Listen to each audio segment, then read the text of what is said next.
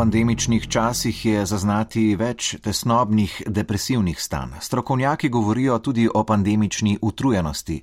Kako se s tem časom spopadajo starejši, pri katerih postaja depresija že tako ali tako pogostejša? Nekateri podatki govorijo o petini oziroma tretjini starostnikov, ki jih pesti depresija. Kako jo prepoznavamo, kako starejšim pomagamo in kako jo lahko preprečimo? O vsem tem z dr. Leo Žmuc Veranič specialistko psihiatrije. Z njo se bo pogovarjala Darja Groznik. Dobr dan, doktorica Lea Žmuc Varanič. Pozdravljeni v našem studiu. Dobr dan. Povod za najem pogovor je pravzaprav vaša nedavna izjava za časopis Delo. Rekli ste, morali bi preprečevati starizem in zagotoviti, da bi bili starejši ljudje veliko bolj sprijeti v družbi. K starizmu, eh, kaj pravzaprav opredeljuje, o čem govori, kako ga dojemate vi, o tem bova tudi kasneje tekom pogovora rekli kaj več. Zdaj pa tole, vi ste specialistka psihiatrije iz psihiatrične bolnišnice Begunje, delate v ambulanti, poznate tudi razmere v domovih za starejše. Depresija, kot smo slišali, je pogostejša v starosti, pravzaprav je najpogostejša duševna bolezen v starosti.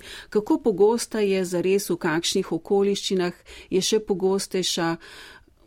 Kaj pravite? Uh, ja, zdaj. Uh... Depresija je dejansko najpogostejša duševna uh, bolezen oziroma motnja uh, v starosti, uh, tako v populaciji ljudi, ki so starejši od 65 let, se pojavlja tam nekje od 8 do 15, pri, nekje od 8 do 15 odstotkih ljudi. Bolj, še bolj pogosta je pa v domu starejših, kjer naj bi bilo te, teh ljudi, ki imajo depresijo, približno ena četrtina.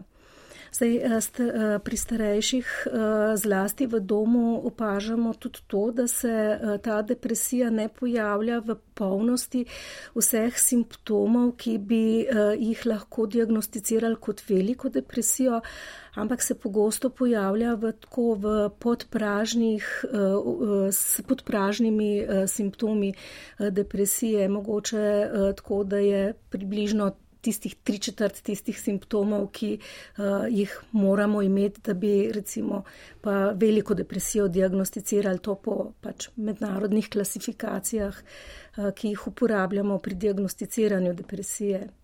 No, vemo, da čas pandemije vpliva na vse nas. Tej pandemiji nikakor še ni videti konca. Um, Življenje se je spremenilo, celo govorimo o pandemični utrujenosti, vsi smo naveličeni, vsi smo nekako tudi slabe volje zaradi tega, eh, se trudimo pač preživljati ta čas, kolikor je le mogoče sproščeno.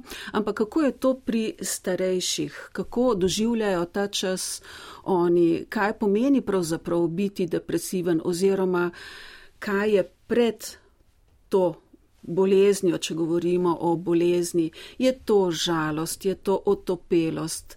O čem pravzaprav govorimo, ko govorimo o nekem stanju, ki lahko vodi v bolezen? Eh, ja, če mogoče eh, najprej eh, povem nekaj o pandemični utrujenosti. Svetovna zdravstvena organizacija je izdala prav en tak dokument, kjer opisuje in definira to pandemično utrujenost in to sicer s tem, da jo definira kot nemotiviranost slediti priporočenim ukrepom.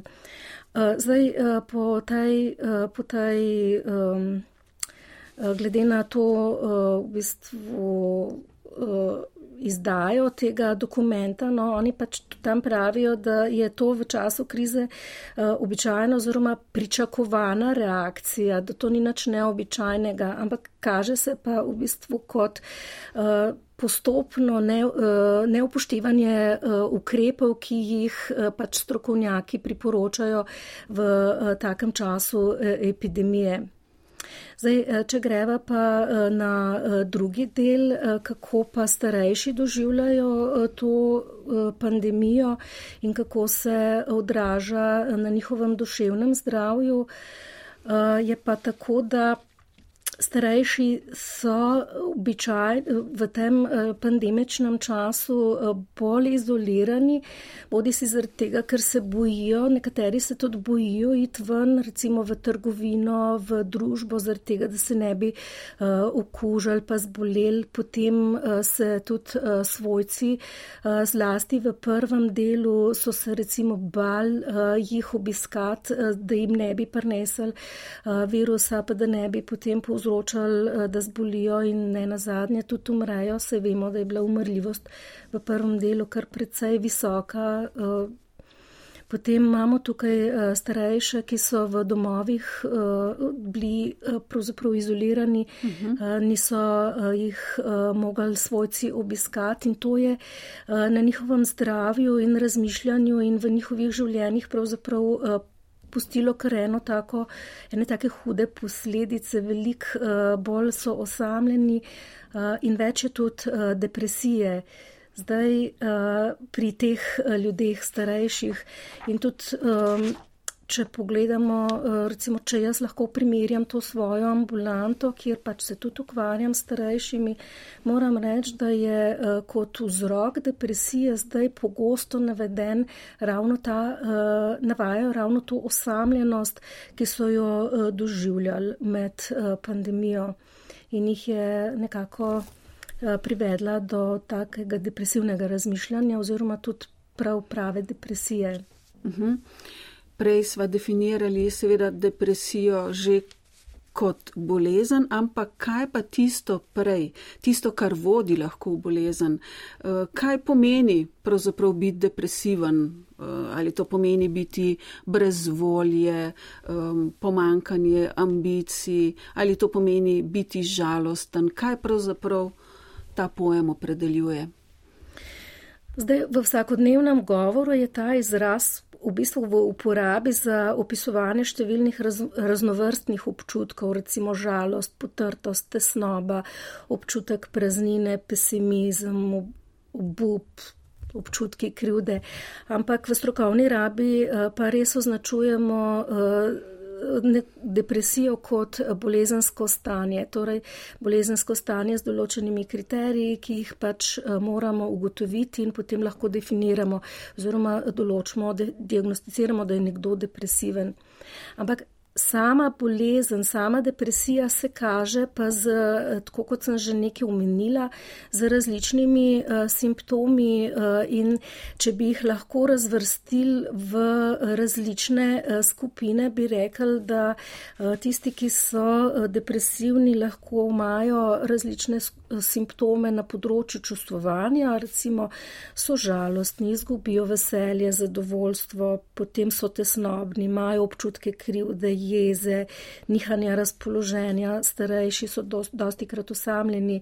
Potem imajo drugi, eh, drugo skupino simptomov lahko na področju mišljenja, so bolj samokritični, neodločni, bolj zmedeni, razmišljajo o samomoru.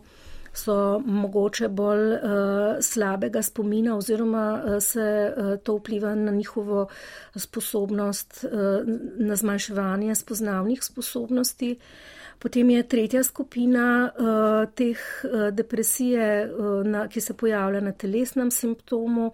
In četrta skupina simptomov pri depresiji, ki se uh, pojavljajo na vedenskem simptomu, na, na vedenskem področju, to pa je recimo socialni umik, potem jokajo, zanemarjajo dožnosti, uh, spremenijo se v osebnem izgledu, niso tako pozorni na uh, svoj izgled, uh, zanemarjajo se higijensko, lahko so tudi agitirani, sitni, bom rekla.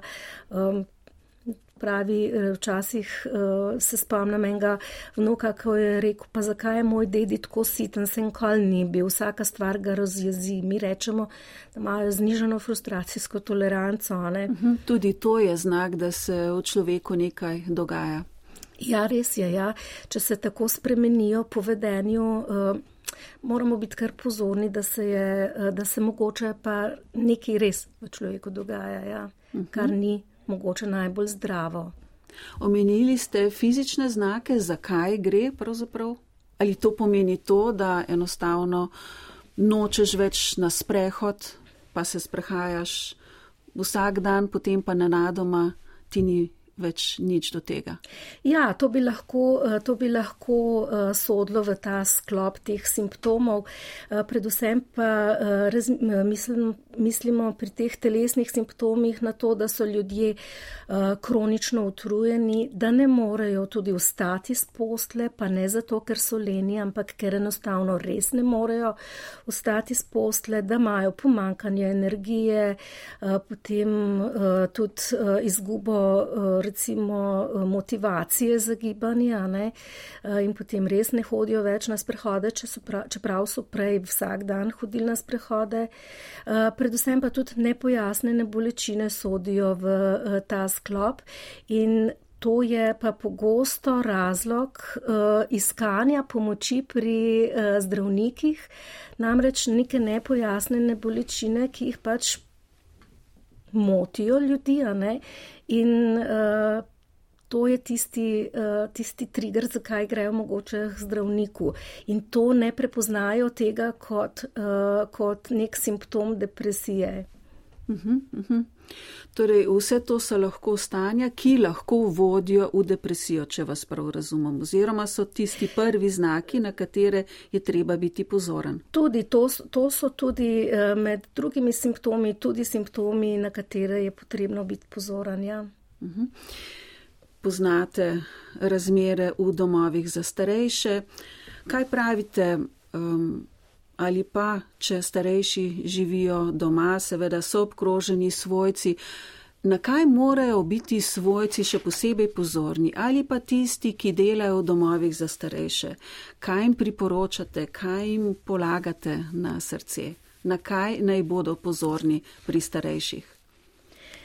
Uh, ja, zdaj zelo fajn je, če uh, pač opazujejo oziroma če ugotavljajo določene spremembe v vedenju, v mišljenju. Recimo tudi to, da eh, če so prej prihajali z veseljem na kosilo svojcem pa ali pa na kakšne pogovore, na obisk, pa to zdaj opuščajo. Recimo nekateri starejši se zatekajo v socialno izolacijo, eh, potem, eh, če se izogibajo komuniciranju svojci, če se zatekajo v poudarjanje raznih telesnih težav, težav, bolečin, pa tako kot sem že prej rekla, eni postanejo bolj sitni, pa prej nikoli niso bili sitni, uh, opuščajo skrb zase.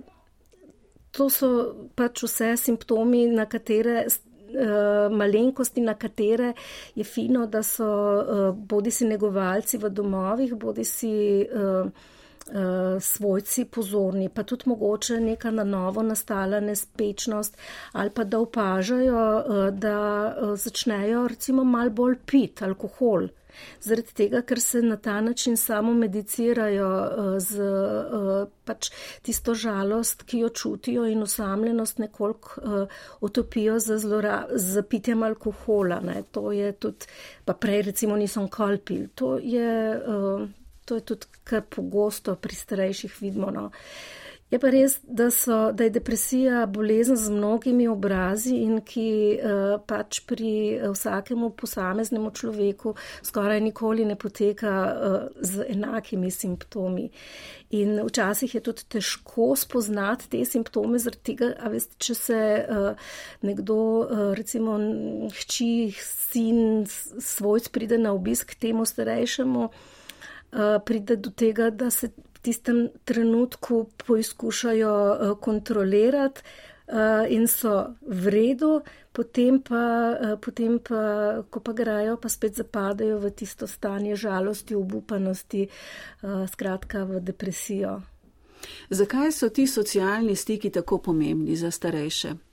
In ko govorimo o socialnih stikih, eno je, da imajo stike naprimer eh, z svojci, drugo pa je, da imeti stike, kot se temu reče, so vrstniki. Ja, zaradi tega, ker uh, v bistvu vsi potrebujemo socialne stike in tudi starostniki jih potrebujejo. Uh, recimo tisti, ki živijo sami, otegnejo med to samo izolacijo eh, zaradi strahu pred okužbo ali pa morebitno eh, karanteno biti odrezani tudi od pomoči, eh, od pomoči recimo bližnjih, ne? oziroma to se je dogajalo v zlasti v prvem delu. Zdaj, ti stiki, socialni stiki nam na nek način pomenijo nek nadzor uh, nad uh, življenjem in neko varnost. Zmanjšujejo tudi tesnobo. Z ljudmi se potem pogovarjamo uh, in uh, ugotavljamo, uh, mogoče nam drugi tudi povejo nekaj, kar uh, nam uh, je v tem uh, kontekstu uh, nas potolaži. Se pravi, uh, do, imamo neko pozitivno izkušnjo s tem ali pa nek svoj strah uh, zmanjšamo in uh, zaradi tega je uh, socialni stik zelo pomemben. Poleg tega uh, zlasti pri starejših, ki so uh, morda že.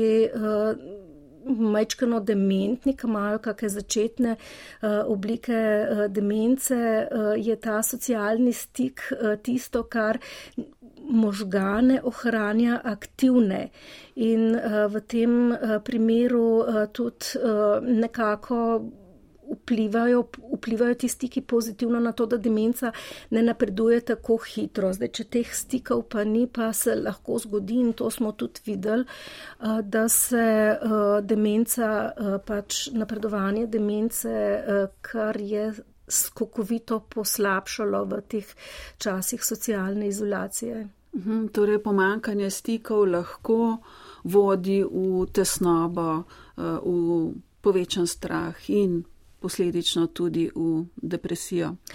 Ja, ja, res. Je depresija starejših drugačna od depresije pri mlajših?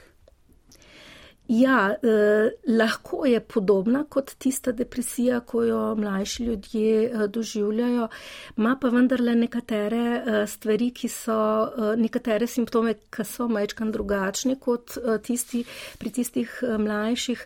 Recimo starejši pogosto že eh, brez COVID-nih eh, časov rečejo, da so osamljeni.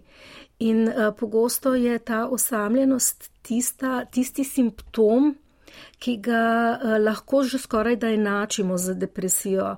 Uh, če nam nekdo v ambulanti reče, da je osamljen, moramo vedno uh, potem razmišljati tudi o drugih simptomih in poprašati o drugih simptomih.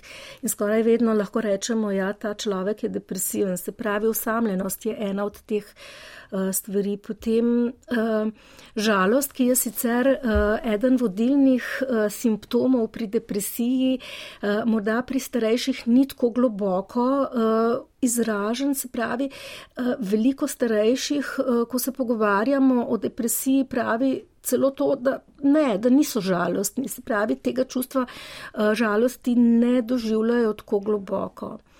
Pri starejših je tudi zelo pogosto uh, v spredju eh, tista telesna zaznava različnih eh, bolečin, eh, takih nespecifičnih simptomov, zaradi katerih smo že prej rekli, da iščejo pomoč pri mhm. zdravniku.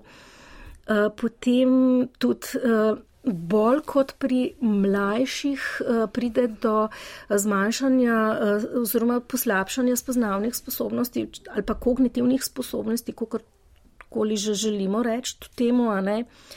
Uh, in uh, to so nekako, uh, nekako mogoče tisti simptomi, ki se pa uh, bolj pogosto pojavljajo pri depresiji starejšega uh, človeka. Uh -huh. Z doktorico Leo Žmuc Veranič, specialistko psihiatrije, se v oddaji med štirimi stenami pogovarjamo o depresiji starejših. Doktorica Žmuc Varanič, že prej ste omenili, pri starejših se najbrž simptomi depresije prekrivajo ali pa tudi zakrivajo z drugimi z simptomi, simptomi drugih eh, bolezni, kaj ne? Gre lahko tudi za prekrivanje, pa je v bistvu eh, v ozadju vseh težav demenca.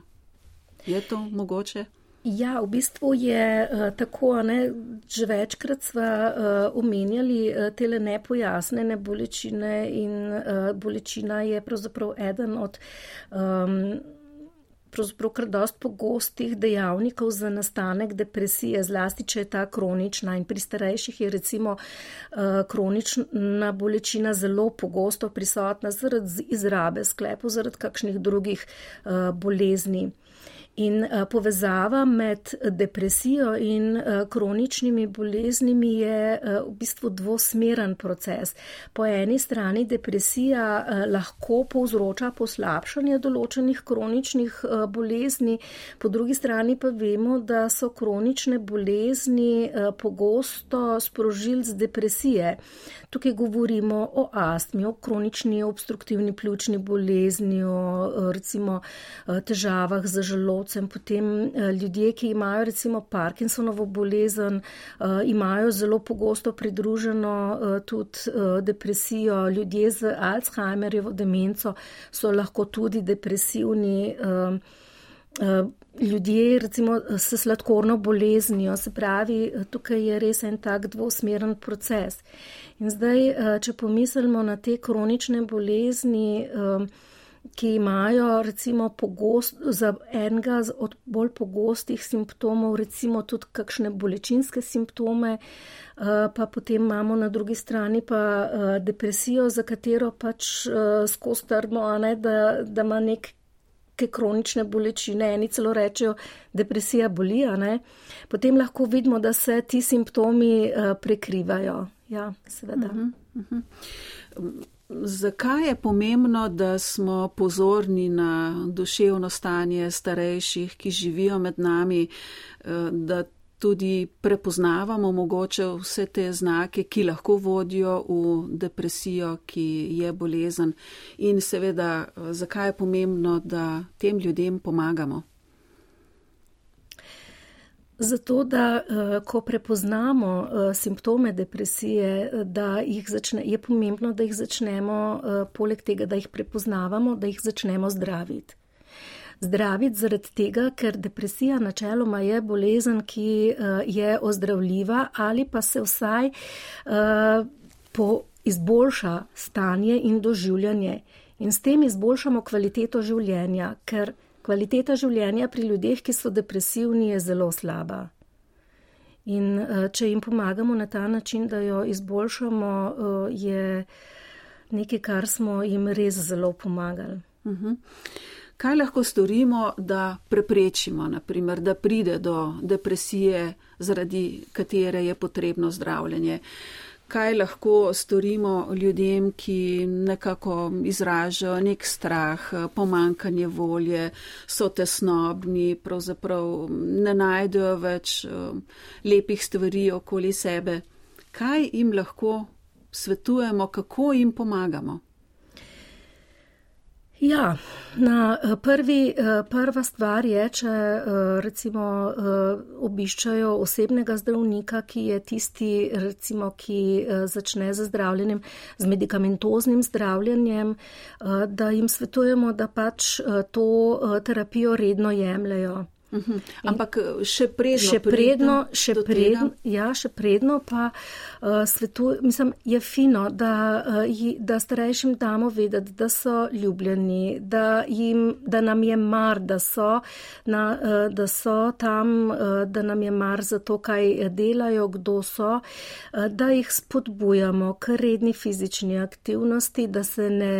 Uh, Jaz temu rečem, zabubijo nekje v en kot in uh, nič ne naredijo za to fizično aktivnost, zaradi tega, ker je znano, da fizična aktivnost sproža tudi določene snovi v možganih, ki uh, izboljšujejo razpoloženje. Uh, Eh, skratka, da jih poslušamo, če imajo težave, da, z, da si vzamemo čas za njih, da, eh, da jih spodbujamo k drugim socialnim interakcijam, eh, ne samo, ne samo v okviru družine, ampak tudi širše da uh, jih spodbujamo k temu, da pozitivno razmišljajo, da niso samo uh, zapredeni v neka negativna razmišljanja, kako je vse uh, slabo, kako nič ne bo nikoli boljše, uh, kar je seveda včasih težko in zahteva kar velike energije in uh, je pa uh, to zelo pomembno. Uh mhm. -huh. Zdaj pa se vračava uh, k tistemu pojmu uh, starizem, ki sem ga omenjala na začetku. Starizem je odpor do starih ljudi. in tudi njihovo eh, osebno, družbeno podcenjevanje, preziranje, zapostavljanje. Moram reči, da tudi biserka Marold Meden, ki je predsednica Srebrne niti Združenja za dostojno starost, veliko krat omenja starizem, eh, tudi vi ste ga omenjali v nedavnem članku za časopis. Starizem je res problem v naši družbi, kako ga dojemate, kako ga razumete vi? Ja, jaz mislim, da je kar problem v naši družbi. Uh, mislim, da sem že nekje enkrat omenila, da naš, naša družba poveličuje uh, mlade in lepe ljudi, uh, ne upošteva uh, pa toliko uh, ljudi, ki so pravzaprav starejši, ampak v teh svojih letih aktivnega življenja so pa pridobili uh, marsikatero modrost, ki jo pa uh, morda mi. Uh, nikakor nočemo, oziroma ki jo pa eh, nikakor nočemo eh, sprijeta. Ne? In se nam zdi, da eh, starejši pač niso, niso lepi, te modrosti pa ne upoštevamo. Eh, tako da eh, jaz mislim, da, ja, da je eh, starizem tudi v naši družbi kar precej velik problem. Zdi se mi pa, da je morda dvoplasten oziroma da tudi starejši ljudje, pa ne vem zdaj zakaj, ampak tudi starejši ljudje sami svojimi vedenji in razmišljanjem vzpodbujajo to, ta starizem. Po drugi strani. Zdaj, a veste, eh, to je težko reči, zaradi tega, ker eh, se ne počutijo več eh, dovolj dobre, da bi sodelovali nekje aktivno v tej naši družbi. Ali, te... ali niti ne želijo iti v korak s časom, bom tako rekla, sodobnim. Zdaj, mogoče, mogoče uh, ne želijo, mogoče pa ne zmorejo. Ne? Uh, zato bi bilo smiselno uh, določene stvari tudi njim prilagoditi. Eh, eh, ne na zadnje, kje pa je eh, rečeno, da se morajo pa vsi recimo računalnika lotiti pri 70 letih, če, če prej nikoli v službi recimo niso delali, delali z računalnikom. Zakaj pa, če jih to ne veseli? Morda jih veseli pa kaj drugega, pa dajmo se temu prilagoditi. In zdaj, recimo, če samo eno tako, tako izkušnjo povem, recimo, starejši človek, ki nima pametnega telefona ali pa nima uh, dostopa do računalnika, nima dostopa do interneta, praktično sploh ne more nekih bančnih storitev uh, uh, opravljati. Tako da, uh, tako da uh, ne vem, no, uh, če je to, uh, če je ta, če govoriva samo o tehnološkem uh -huh. napredku. No. Uh -huh če družba kot taka dovolj uh, pozornosti posveti temu, da ljudje so pač različni in. In jih sprejema takšne, uh, kot pač so, in bom rekla, daje, daje veljavo tistim njihovim pozitivnim lastnostim, ki jih pa sveda imajo, in tistim uh, izkušnjam, ki so jih v življenju pri, uh, pridobili. Mhm. Doktorica Leja Žmuc-Veranič, hvala lepa, da ste bili gostje odaje med štirimi stenami. Veliko misli, ki so lahko spodbuda za razmislek vsem, ki so naju poslušali. Hvala lepa in srečno. Hvala lepa za povabilo, srečno tudi vam. Povstante zdravi. Ja, tudi vi.